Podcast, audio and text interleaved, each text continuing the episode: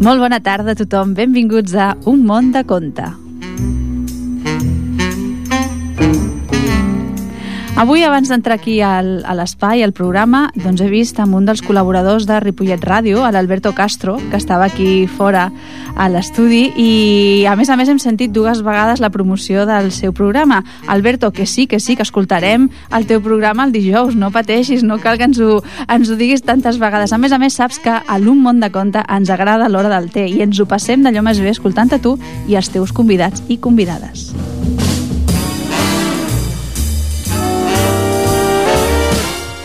No cal que us ho digui, estem com sempre al 91.3 de la FM, l'emissora municipal, a Ripollet Ràdio. I sabeu que si avui no podeu escoltar el programa, doncs ho podeu tornar a fer el dissabte de 5 a 6 de la tarda o us podeu descarregar el, post, el podcast a la web de www.ripolletradio.cat.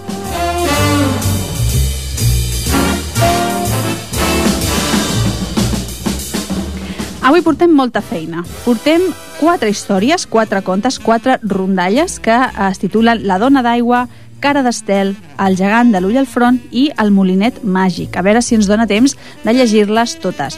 I ens acompanyarà avui un dels meus grups preferits. Abans em deia l'Alberto, que romàntica. Doncs sí, avui estem de tarda romàntica. Vindrà aquí al programa, estaran amb nosaltres els Carpenters. Why do stars fall down from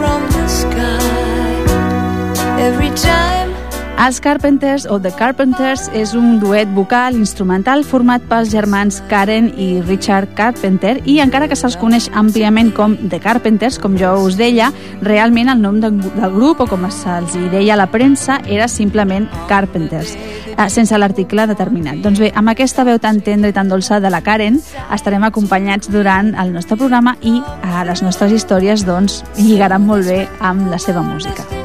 pair of golden.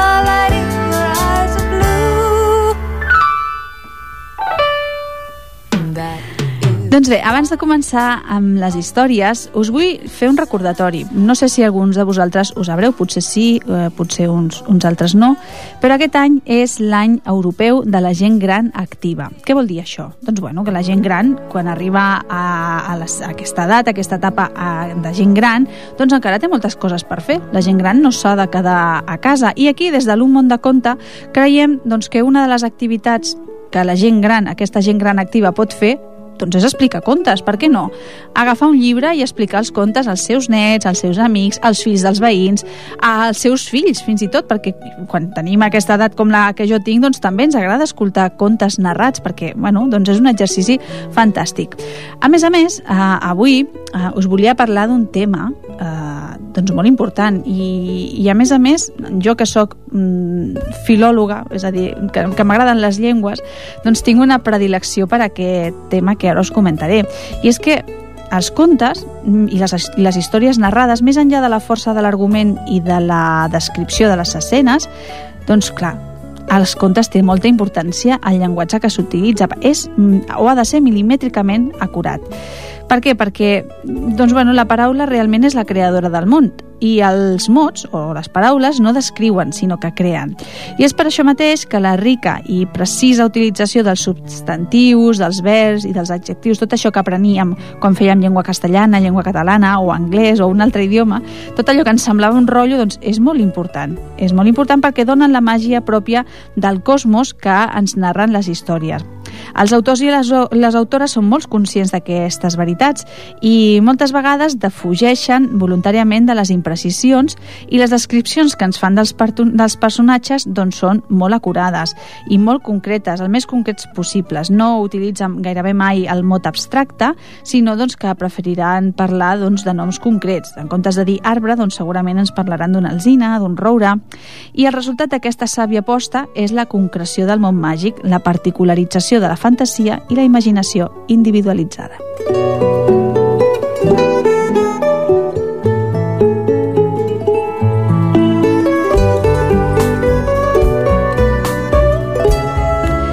Doncs com us deia, avui tenim molta feina i per no allargar-nos més i que després ens quedem amb alguna història a la bossa, doncs eh, em sembla que el millor que podem fer és començar amb aquestes narracions, amb aquestes lectures i ho farem amb el primer conte, que és el que es titula La dona d'aigua. Diu així. Hi havia una vegada un jove molt treballador i ben plantat. Cada dia treballava les terres que els seus pares li havien deixat abans de morir. Aquell estiu les collites havien estat molt dolentes. Entre les pedregades que van caure i la sequera provocada per les altes temperatures, ben poca cosa en trauria del seu treball. Un vespre, cap al tard, va sortir a prendre la fesca. Havia estat un dia molt xafogós. Passejant, passejant, va arribar fins al gorg negre. Segons contava la gent d'aquelles terres, era un gorg maleït, tan negre i sinistre que ningú no gosava acostar-s'hi. El noi de Camprat, encaboriat amb les seves coses, no s'havia donat d'on havia anat a parar. Se li havia fet de nit. El ric-ric dels grills camperols, el cantar del rossinyol i la dolça olor de romaní que portava el vent suau feien d'aquella nit de lluna plena una nit especial. De sobte, els grills i el rossinyol deixaren de cantar. El ventet suau que movia les fulles de les, dels salses va parar i fins i tot l'olor de romaní va desaparèixer. Una remor d'aigua i un cant encisador varen atreure la mirada del jove cap a la riba del Gorg. Una bellíssima donzella d'ulls verds maragda es pentinava la seva llarga i sedosa cavallera daurada, amb una pinta, mentre cantava una cançó mai sentida per ningú. El jove de Camprat va voler acostar-se a la riba per sentir-la millor i el seu trepig va trair la seva presència. La dona d'aigua es girà i en adonar-se del jove que la mirava del tot encissat, li va dir no saps que porta mala sort veure una dona d'aigua? No és possible que una noia tan vella pugui portar mala sort, va contestar el jove. La dona d'aigua va somriure, va mirar el jove amb aquells preciosos ulls de maragda i es va capbussar, gorg endins. El noi la cridava. Dona d'aigua, dona d'aigua, torna'm a mirar, deia amb una veu desesperada. Però res, l'endemà va tornar al gorg, al gorg negre, esperant que la dona d'aigua aparegués, però res de res. Per més que ell cridava, les aigües del gorg no es movien, restaven més immòbils que mai. Tot i així, ell hi tornava cada dia fins que una nit, també de lluna plena, un silenci misteriós va envair tot aquell indret. Ni els grills, ni els ocells, ni el vent es feien notar. El cant encisador de la dona d'aigua alegrà el jove, que ja es veia de nou desesperançat. Dona d'aigua, va dir el noi amb la veu il·lusionada, fa moltes nits que vinc per veure't, i ja estava desenganyat. Ja ho sé, va contestar la dona d'aigua. Jo et veia des del fons del gorg, sense que tu em veiessis. Voldria estar sempre amb tu per estimar-te. Vols casar-te amb mi? va dir el noi ben directe i més decidit que mai. No dubto de la teva sinceritat. Ja he vist com cada dia venies i, malgrat no trobar-me, insisties i anaves venint.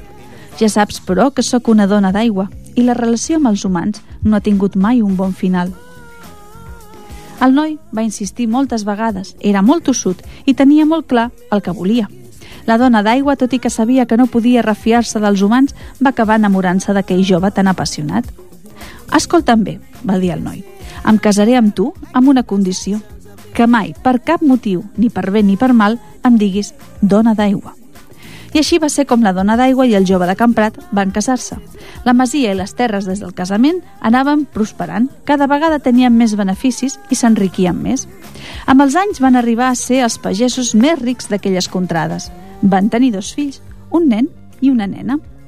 Tots dos tenien els cabells sedosos i daurats de la seva mare i la mirada humida dels seus ulls verds maragda. Vivien feliços i s'estimaven d'allò més. Sovint, al capvespre d'estiu, sortien a passejar tots junts per sentir el cant dels grills i del rossinyol sota el mirall de la lluna. I quan arribaven a casa, els nens s'adormien amb una dolça cançó que la seva mare els cantava, mentre els abrigava i els feia un petó de bona nit. Un dia, després de dinar, el jove de Camprat i la seva dona discutien sobre si convenia més sembrar moresc o blac en un dels camps de vora la masia.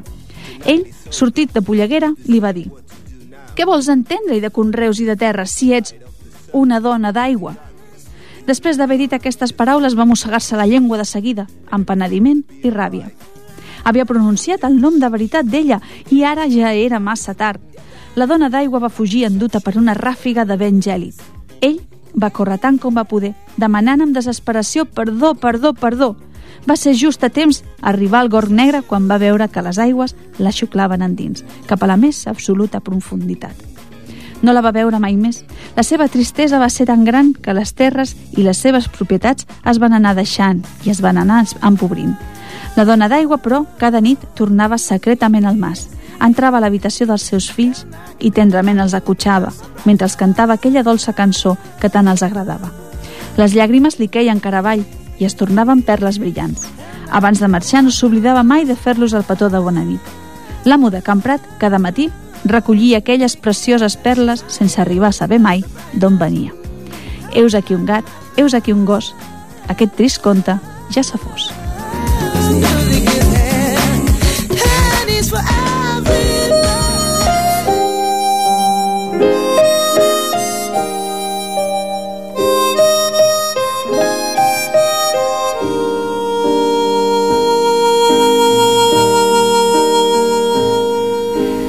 Talking to myself and feeling old. Sometimes I'd like to quit. Nothing ever seems to fit. Hanging around, nothing to do but frown. Rainy days and Mondays always get me down. What got they used to call the blues. Nothing is really wrong. Feeling like I don't belong. Walking around some kind of lonely cloud. Rainy days and Mondays always get me down.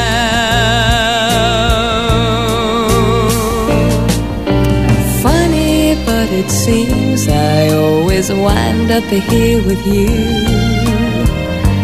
Nice to know somebody loves me. Funny, but it seems that it's the only thing to do. Run and find the one who loves me.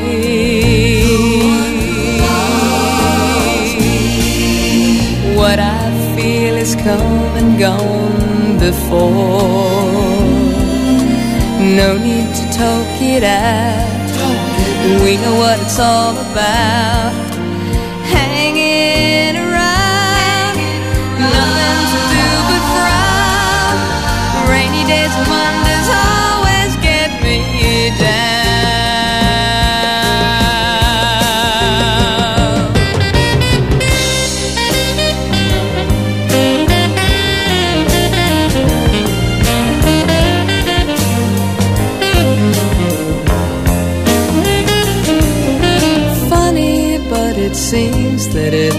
The only thing to do. Run and find the one who loves me.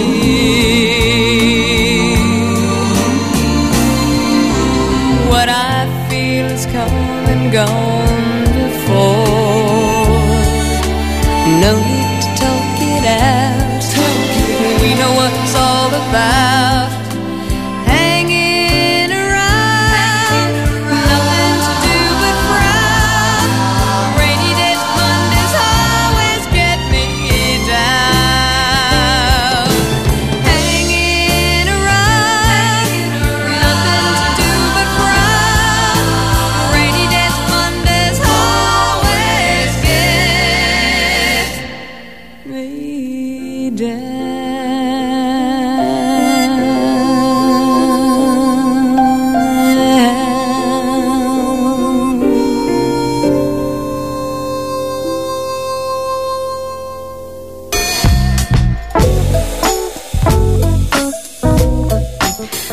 direu que la veu de la Karen Carpenter no és una autèntica meravella. Doncs, doncs sí, la veritat és que és una de les veus més maques que, que jo trobo, que, que a més a més és que ja us he dit que és un dels meus grups preferits. Bé, doncs eh, anirem pel segon conte d'avui, per la segona eh, història. No us he dit que els contes que estic llegint avui els he extret d'un llibre que es diu Contes Populars Catalans, que està escrit per la Sílvia Cavalleria i la Mari Carme Codina i que té il·lustracions de l'Elisenda Soler. Com sempre, ja ho sabeu, aquests llibres els podeu trobar a la Biblioteca de Ripollet. Jo us recomano que feu una visita a la biblioteca. Segur que trobareu algun llibre que us agradarà i que us podreu emportar doncs, bueno, doncs per dedicar-li al vostre temps lliure. Comencem, doncs, amb aquest segon conte, amb aquesta història que es titula Cara d'Estel.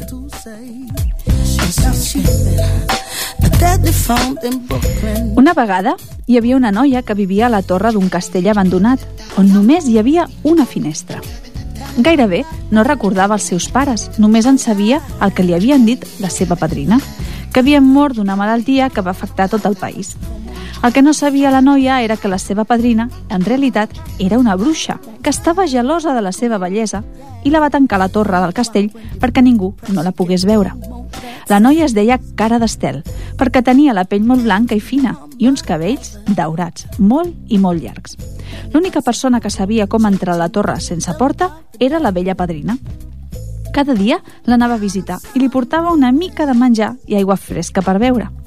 Vet aquí que un dia, que queia una tempesta d'aquelles tan espectaculars de llamps, trons i aigua a bots i barrals, va passar a prop de la torre el fill del rei, que havia sortit de cacera. En veure la torre del castell s'hi va apropar per aixoplugar-s'hi. De sobte, va sentir la veu esgarrifosa d'una dona que deia «Cara d'estel, més dolça que la mel, tira'm l'escaleta per pujar al cel». El fill del rei es va amagar entre les ruïnes del castell abandonat per veure de qui sortien aquelles paraules. De seguida es va obrir, es va obrir una finestra de la torre, d'on va sortir una noia molt bonica amb una cavallera rossa lluent com els estels. Cara d'Estel, com sempre, feia quan sentia aquelles paraules, va deixar caure la seva cavallera fins a terra. Aquella dona, que era la seva padrina, s'hi va enfilar amunt, com si pogués, com si pugés per una escala de llum. Va entrar i la finestra es tancà. El príncep va quedar ben enamorat de la bellesa d'aquella noia dels cabells dorats. Xop com anava de la pluja constant que queia, va decidir amagar-se. Mentre rumiava com ho podia fer per veure i parlar amb la noia, la finestra es va tornar a obrir. La vella va baixar lentament per la cavallera i desaparegué al bosc enllà. La noia recollia els seus cabells i tancà de nou la finestra. El príncep, llest com era, va recordar les paraules que la vella havia dit i li va costar poc repetir-les. Cara d'estel, més dolça que la mel, tira'm l'escaleta per pujar al cel. La finestra es va obrir de cop i la cavallera es deixà caure. El príncep s'hi enfilà com si fos un escalador. Mentre pujava, podia sentir l'olor fresca i suau d'aquells lluents cabells. Cardestel es va espantar en veure que no era la seva padrina, sinó un jove foraster. El príncep la va tranquil·litzar tot dient «No tinguis por, no vull fer-te mal, només, només vull saber com és que una noia tan bonica com tu està empresonada tan injustament». La noia, que mai havia vist un jove tan vell, em va quedar ben enamorada. Cara d'Estel no sabia el motiu del seu empresonament. Sempre havia viscut d'aquella manera, no coneixia ni recordava cap altra forma de vida. El jove príncep va convidar la noia a fugir plegats i li va prometre el seu més sincer amor. Cardestel, després de sentir la promesa del príncep, li va dir «No puc fugir amb tu. La meva padrina ens trobaria i ens maleiria a tots dos amb algun dels seus encanteris. No has de patir, va contestar el príncep. Fugirem ben lluny amb el meu cavall. Demà, quan ella jo torni, serem en un altre país on el meu, en el meu pare també té un palau. I vet aquí que cara d'estel, amb aquelles paraules dolces i segures del noi, va acceptar de fugir amb ell. El príncep, amb el seu ganivet de cacera, va tallar un cantó dels cabells de la noia, els va lligar a la frontista de la finestra i així va poder, van poder baixar tots dos. El cavall del príncep els esperava. Així va ser com tots dos deixaren enrere el castell abandonat, amb la torre que havia empresonat tants anys cara d'estel i on havia viscut en la més absoluta soledat. L'endemà, la padrina, només arribar, ja va veure els cabells de la noia i es va estranyar perquè encara no havia dit les paraules. Va pujar cap a la finestra i en veure que no hi era, es va enfurismar tant que amb la seva ràbia va convocar una tempesta de llamps i trons, tot maleint la noia amb aquestes paraules. Cara d'estel, més no serà i cap d'as et tornaràs. I després d'aquelles paraules va desaparèixer per sempre enmig dels llamps i dels trons. A partir d'aleshores, Cardestel va perdre la seva bellesa. El seu cap es transformà en el d'un ruc. Era la riota de tot el palau, però el príncep l'estimava de debò. El rei i la reina no veien amb bons ulls aquell casament tan carnavalesc. Per això van demanar al seu fill que esperés dos anys per casar-se. De ben segur van pensar que no ho aguantaria. Durant aquell temps, el príncep va ensenyar Cara d'Estel a viure d'una altra manera. Ella només havia conegut les parets de la seva torre. Cavalcaven pels boscos, passejaven pels jardins de Palau i llegien velles històries. Com més temps passava, més s'estimaven. El rei i la reina s'havien acostumat a la noia i el seu bon cor havia guanyat la seva estimació. Va arribar el dia del casament. Tota la gent de Palau i del Reialme eren presents a la cerimònia. Curiosos davant la noia amb cara d'asa. En el moment que el príncep va posar l'anell al dit de la noia, es va sentir un tros sec i estrident que va fer trontollar tota la terra. Seguidament, una veu molt potent de dona va dir «Cara d'estel, cara d'estel, aquell qui més t'estima, ara et traurà el vel». I per art d'encantament el malefici es va desfer. Cara d'Estel va tornar a ser la noia bonica i encisadora d'abans. L'amor del príncep havia trencat l'encanteri per sempre i van viure molts feliços menjant molts anissos.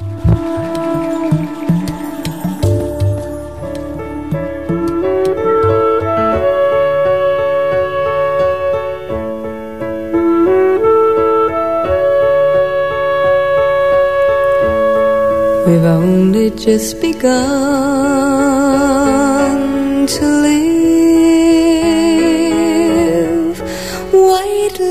and promises, a kiss for luck, and we're on our way.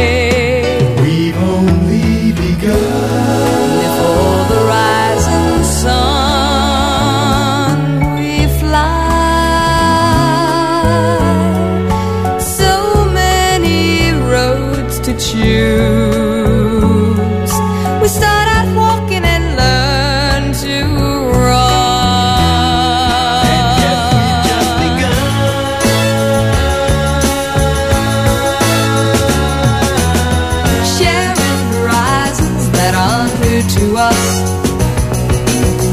watching the signs along the way. Talking it over, just the two of us, working together day to day, together. And when the evening comes, we smile.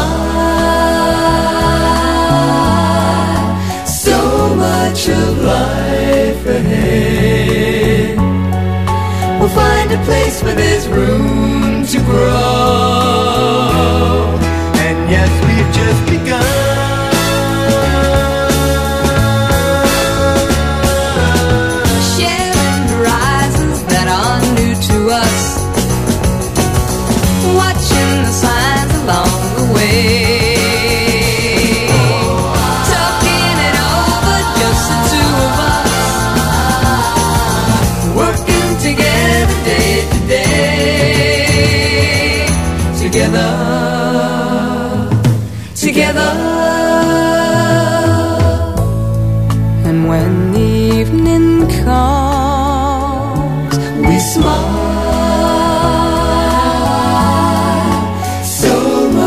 Of life ahead.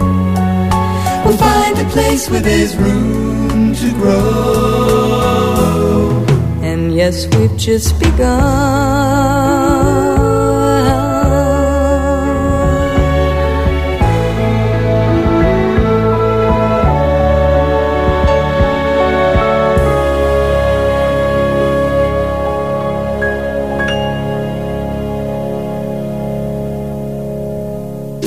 This is the 10 freeway. A constant movement of light. Doncs aquest era el tema We've Only Just Begun dels Carpenters. El tercer conte que portem per avui, per aquesta tarda de dimecres, per aquest Un món de conte, és el títol El gegant de l'ull al front. Comença així. Vet aquí una vegada que hi havia un noi molt pobre que no tenia ni pare ni mare. Com que estava tot sol i passava molta gana i misèria, va pensar que el millor que podia fer era anar a cercar fortuna pel món. Camina que caminaràs va arribar a un bosc molt espès i profund. Com que començava a fer-se de nit, es va enfilar dalt d'un roure, molt massís, per si podia veure algun senyal de vida. Allà lluny, lluny, va veure dues llumetes d'un color groc vermellós. Va baixar ràpidament de l'arbre i es va acostar cap a on hi havia aquella claror. A mesura que s'hi acostava va veure que es tractava d'una cova molt gran, a l'entrada de la qual hi havia dues torxes que feien llum. Gairebé ja, hi arribava quan va notar que tota la terra tremolava. De dins la cova en va sortir un terrible gegantàs. Tenia els cabells i la barba de color vermell i un nas rodó com una pilota. Només tenia un ull al mig del front, negre com el carbó, damunt del qual una cella espesa li anava donant d'una punta a l'altra del front. El gegant, tot i el seu aspecte ferotge, el va rebre amb una veu molt amable i el va convidar a entrar a la seva cova. En aquella estança no hi faltava de res. Hi havia un racó per la cuina, amb un foc a terra fet amb llenya molt gruixuda i una olla grossa com una banyera, uns formatges que deixaven anar molt bona olor, un jaç enorme a terra per dormir-hi, amb una manta feta d'una llana gruixuda i espesa, i al fons de tot, un petit corral amb un ramat d'ovelles. A la cova gairebé no hi entrava llum i per això estava voltada de torxes enceses com les de l'entrada. Tot i així, l'aspecte de la cova era més aviat fumat i feia una mena d'olor que no era gens agradable i ho envaïa tot. Era com de socarrimat d'ovella i d'excrements, tot ben barrejat. Després d'haver vist el ramat d'ovelles, el gegant, amb una veu estrident que no s'assemblava gens a la veu amable que va fer quan el va rebre, va dir al noiet «Cada dia em menjo una ovella. Quan me les haurem acabades totes, te'n menjaré ben rostidet al foc».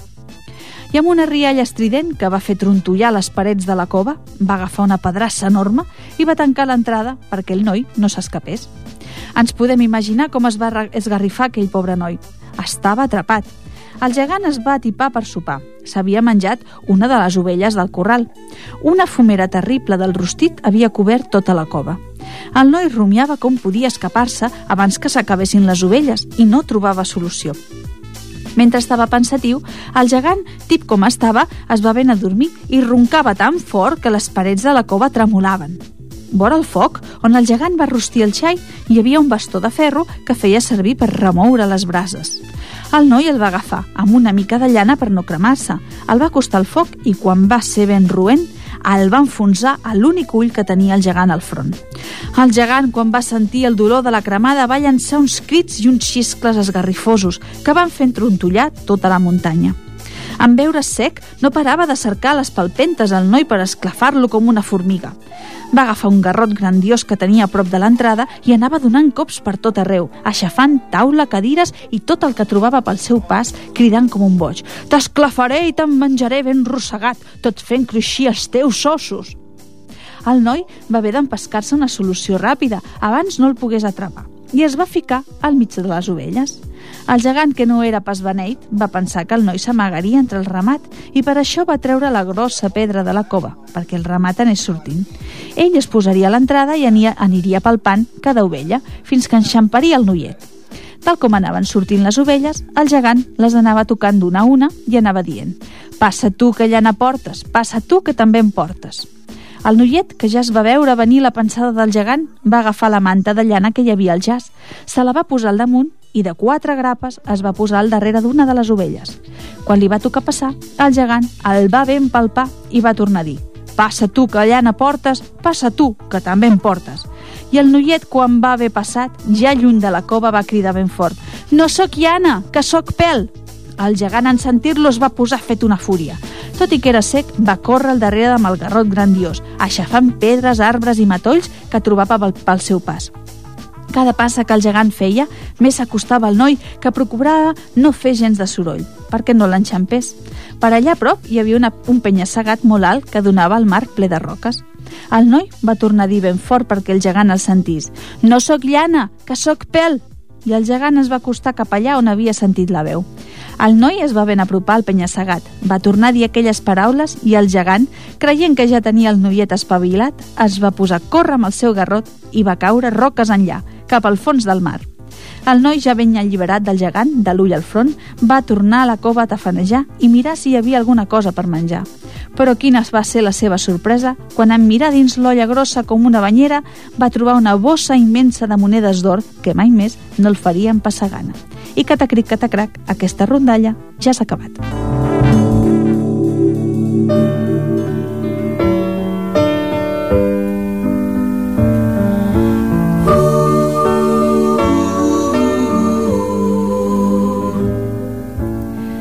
Day after day, I must face a world of strangers where I don't belong. And at its draw, it's nice to know that there's someone I can turn to who will always care. You're always there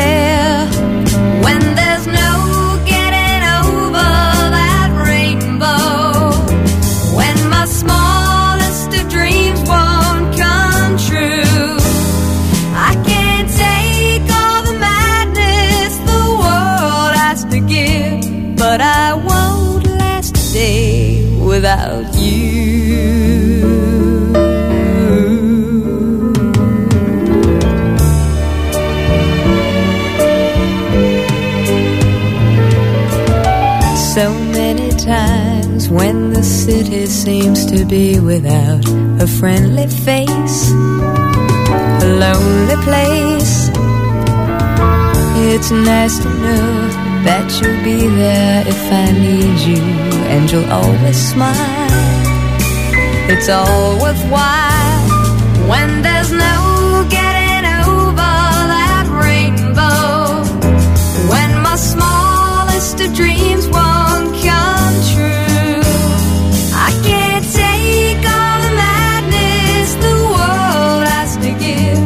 but I won't last a day without you.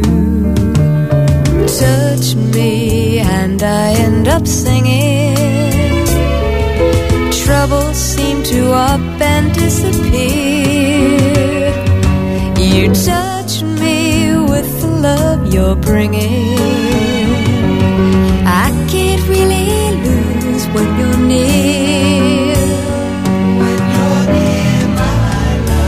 My friends have forgotten half their promises, they're not unkind, just hard to find one look at you and I know that I could learn to live without the risk. I've found the best when there's no getting over that rainbow. When my smallest of dreams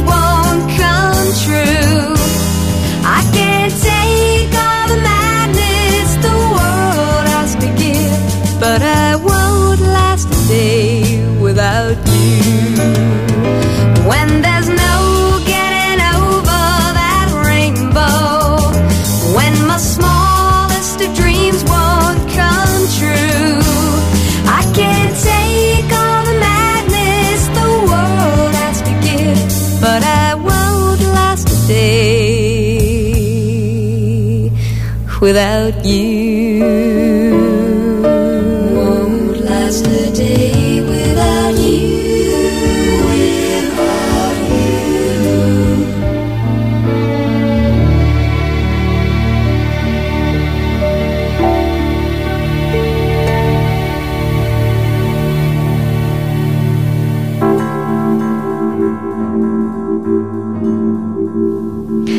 Doncs bé, aquest era el tema I Won't Last Day Without You, dels Carpenters.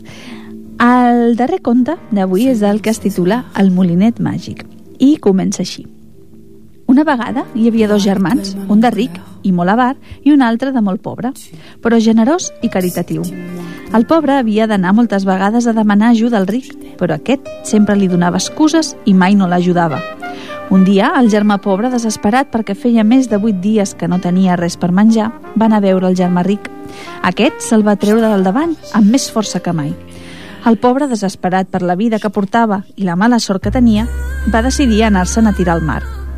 Es va enfilar al capdamunt d'un penya-segat, pensant que si es llançava des d'allà, de ben segur s'ofegaria. Però aquí que estava a punt de llançar-se que se li va aparèixer una velleta que el va aturar i li va dir «Què vols fer? No veus que et mataràs?» Precisament això és el que jo vull. Estic desesperat i només la mort em pot alleujar la pena que tinc. La velleta li va contestar No et desanimis, que tot té remei en el món. Mira, jo t'ajudaré. Et donaré un molinet i tu només hauràs de dir Molinet, molt. I et donarà tot el que el teu pensament desitgi. Quan ja estiguis satisfet, ara hauràs de dir Molinet, para de moldre. I aleshores s'aturarà. I dit això, la velleta es va treure un molinet de sota les faldilles, el va donar al pobre noi i va desaparèixer. El noi va pensar, m'agradaria viure en una gran casa espaiosa, còmoda, ben amoblada i amb un jardí ple d'arbres fruiters.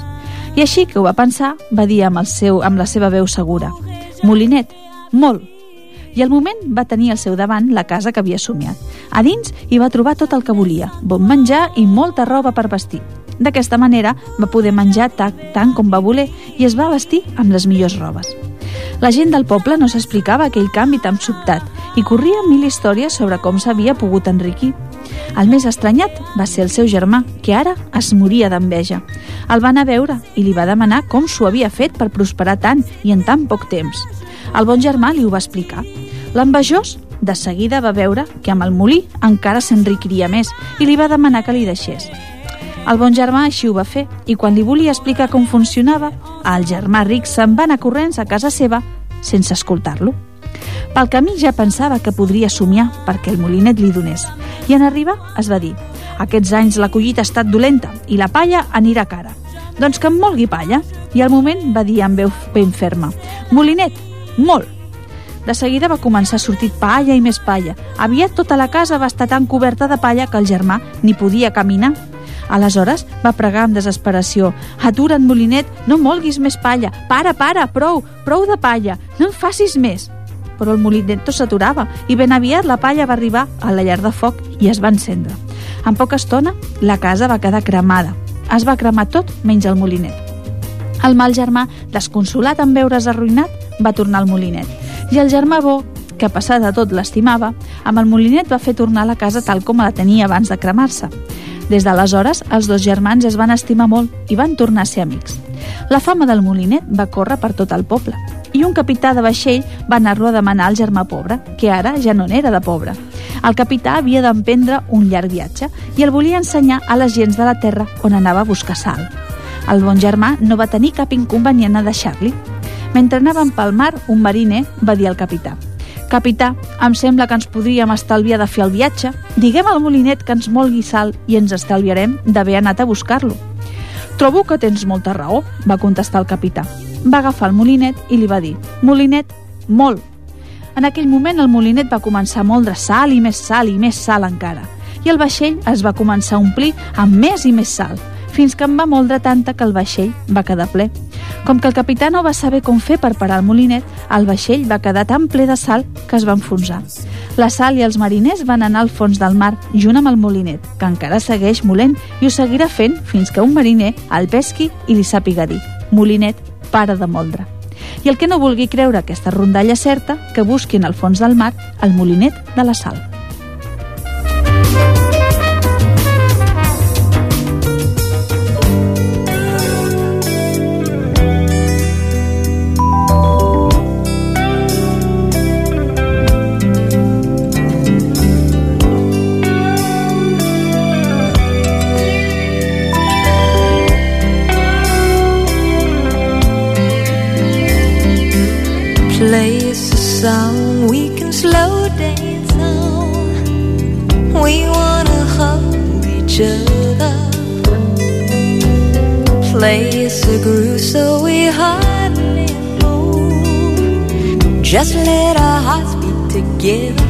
Oh, baby, cause it feels so good when we're close like this. Whisper in my ear and let me steal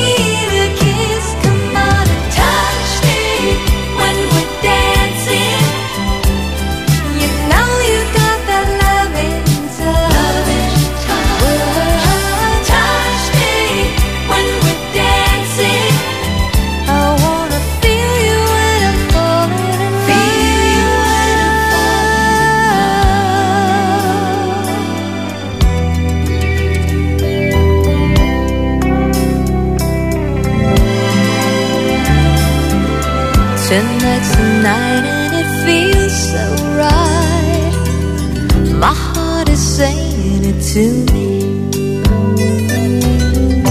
You're the one I've waited for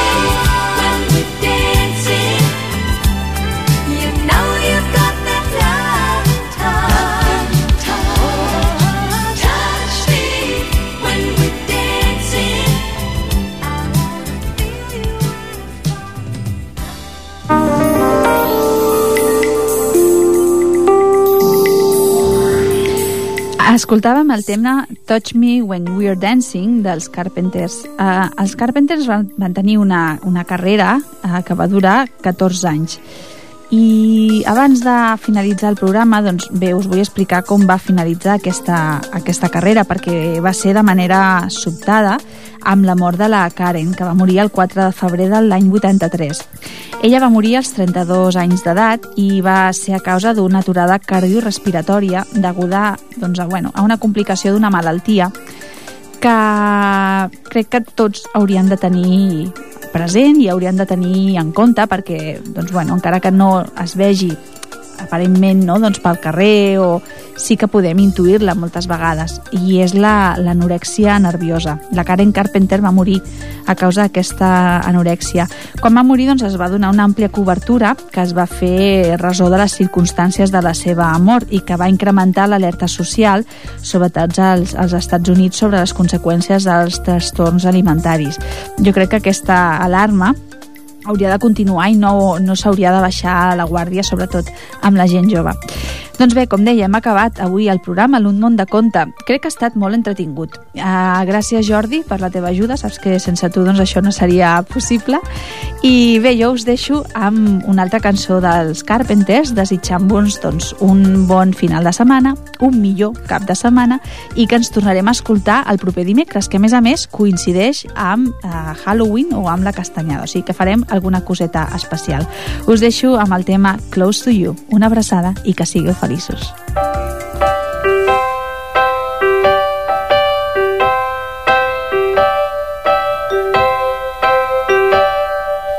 Why do birds suddenly appear every time you are near?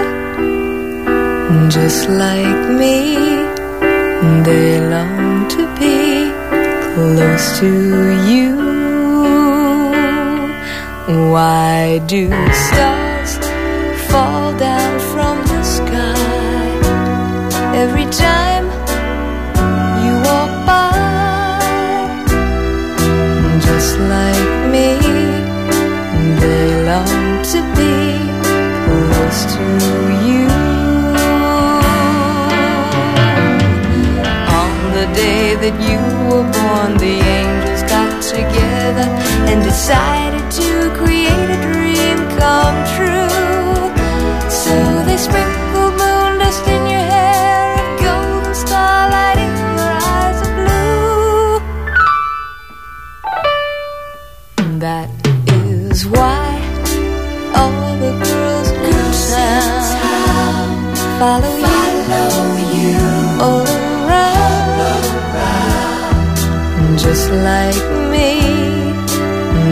사랑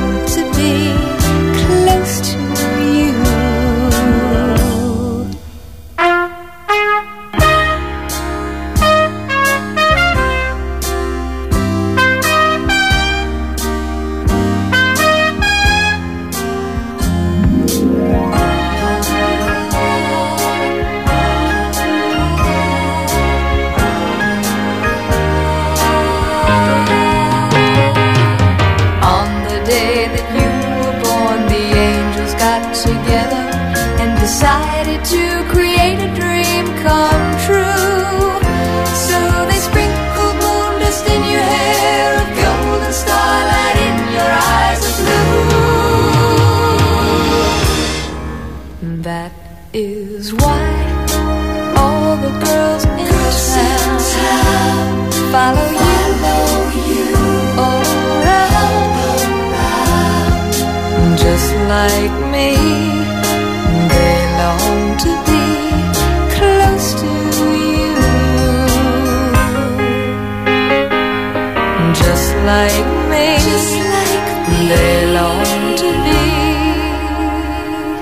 close to you.